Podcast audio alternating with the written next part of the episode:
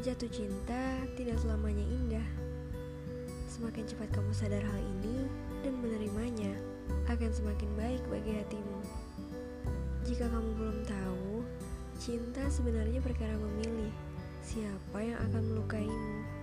Jadi, kamu suatu saat memang akan terluka. Ada baiknya tidak mengetahui sama sekali ketimbang terluka karena mengetahui. Tapi kadang-kadang kita memilih untuk mengetahui terluka. Kita memilih tersakiti daripada merasa tenang dalam ketidaktahuan. Sebagian dari kita yang lain membangun dinding pertahanan dengan ketidaktahuan agar merasa semua baik-baik saja. Tapi ketahuilah betapa rapuhnya dinding itu. Tidak terluka itu mustahil.